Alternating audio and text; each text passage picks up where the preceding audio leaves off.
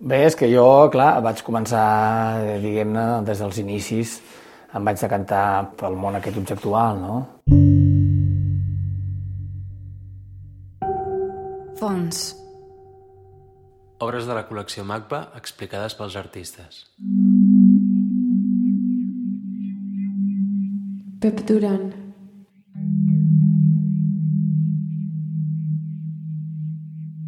Cadira inútil.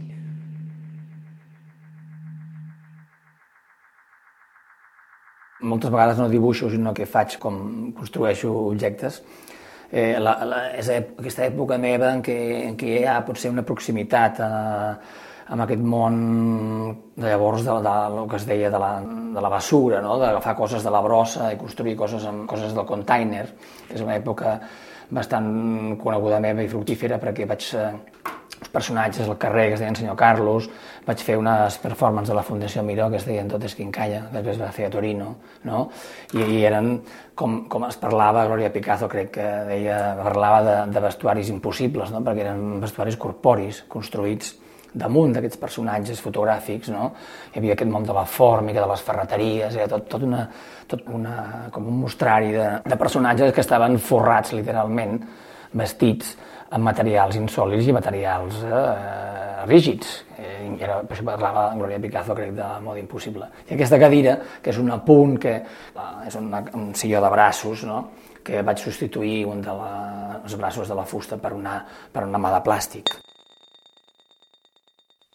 Es otro. Es otro és una de les peces que pertany a l'exposició d'aquest títol que vaig fer al Tinglado 2 a Tarragona i és una peça que vaig recuperar, és l'única que vaig salvar de, de la quema, perquè clar, una, allò són molts metres quadrats i era una instal·lació en què la gent entrava dintre d'unes construccions amb unes persianes metàl·liques en què cada habitacle hi havia una història, una escenografia aquesta al final la vaig poder indultar, que dic jo, perquè em semblava que tenia molta potència, perquè parla una miqueta d'aquests trajes que estan, aquests trajos que estan penjats d'una estructura metàl·lica, com, i per mi són com ombres, com, com, com, com estructures, no? com esquelets, donar-los cos. I aquesta era la, aquesta idea del plom com a lastre personal, com aquestes presències, diguem-ne, d'allò experiencial, etc etc. i em va semblar que era una peça que tenia molt de rigor. Updated. Xus parla de, de que és una peça assaig, no? Aquesta, evidentment, és una peça que té aquestes característiques, diguem-ne, més escenogràfiques, perquè té, però també té una particularitat que és que de les primeres en què l'espectador hi transita. A mi m'agrada molt parlar de l'espectador intel·ligent o de l'espectador actor, que és aquest públic que no només eh, eh, que intenta anar més cap allà de l'obra, no? La, la meva obra no té només una, una línia, té, moltes, moltes, té molts camins diferents, no és una obra, és una obra oberta. Per tant, m'agrada molt que, ve, que vegi i miri, que és diferent, veure i mirar, no? Llavors, és una, una instal·lació que està feta per una galeria eh, d'art que jo treballava llavors a Barcelona, carrer Consell de Cent, i que està feta a la mida d'aquest espai concret, i són unes peces de, unes plaques de fusta que estan totes tensionades en el, en el, en el terra a través també d'unes falques de fusta, hi ha com tres parts, una que l'espectador passa, una que l'espectador travessa a través d'uns taulons i una altra que l'espectador queda, com si diguéssim, a sobre d'un escenari amb unes sabatilles de bronze. Són, és un llenguatge per mi eh, va ser en aquell moment, perquè és una peça de l'any 97, eh, que va significar també un pas endavant al meu treball, com aquesta ara ha sigut en ceràmica, aquella era en bronzes. Són, si no recordo malament, em sembla que eren 49 o 50 eh, motllos de bronze, o sigui, peces de bronze foses, perdó, no motllos perquè estaven foses a la terra, que és un sistema, diguem més barat, més assequible, que és fondre-ho directament, no? però hi ha des de presències de, de restes de menjar, hi ha petits objectes trobats eh, i manipulats, hi ha roba meva eh, fosa, hi ha sabatilles eh, de dansa, hi ha, no, no record, moltes, moltes coses de la meva, del meu taller, perquè jo tinc, tinc un gran arxiu objectual que després faig servir o no, però que els tinc per allà a sobre, eh, sempre anant donant toms, fins, fins que li trobo el sentit de l'objecte. No? I va ser una peça en aquell moment d'una gran envergadura, perquè a part de la, de la grandària de la, de la peça, perquè l'ocupava tota la galeria, i estava feta, com dic, a mida de l'espai, però que després jo la vaig posant de molt diverses maneres, perquè quan es va fer la, la presentació de la col·lecció MACBA aquí, la vaig posar a dalt de tot de la barana del MACBA de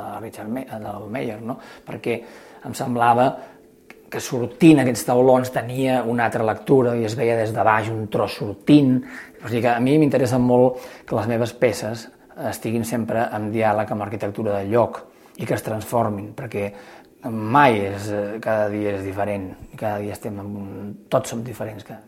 És una peça que, que, que li tinc molt de, molt d'apreci, primera perquè em va costar molt fer-la i després perquè eh, està avui a la col·lecció del MACBA gràcies al dipòsit de la, de la col·lecció Soleil. Objecte de s'habilitat. Eh, I és uns apilaments de roba eh, amb, una, amb un, eh, una espècie de, de, de final que és una llesca de pa amb bronze com oxidada i parla pues, de, de moltes coses. Cadascú hi veu el que hi veu. No? Una de les, de les uh, idees d'aquesta peça és que la gent que la comprés, és una edició que es feien unes edicions, em sembla que eren de 50 exemplars, molt, molt limitades, no? amb aquest caràcter també de, de quasi 50, 50 objectes uh, únics, perquè en el fons mai és ben bé igual res, no? amb la idea de que la gent que la comprés o que, o, o que la tingués anés canviant els apilaments d'ordre, no? I si volia, li, jo eh, sempre ho dic, els, els deixo afegir coses al damunt, no? coses personals, perquè penso que una miqueta és com completar la peça. No? L'espectador contempla a vegades i completa les obres. No? Això és una edició que, va fer, que es va fer en una galeria que avui està desapareguda, una galeria d'edicions que es deia Ginkgo, a Madrid, molt, molt activa i molt, gent molt, molt bona que van fer, jo penso, un treball admirable en el seu moment, i coincideix amb una petita exposició que vaig fer ja jo, que es deia Espacios Empobrecidos, que eh, va fer un text preciós al gran coneixedor de l'art espanyol recentment mort, que és José Luis Brea, que és un gran, una llàstima de personatge, perquè realment jo penso que tenia moltes coses encara que dir, però ja no hi és. Llavors, eh, li guardo un gran record perquè és una peça molt, en aquest sentit, molt emotiva, que parla de moltes coses eh, i que em recorda precisament cada vegada que, que me la citen o que la veig, em recorda José Luis.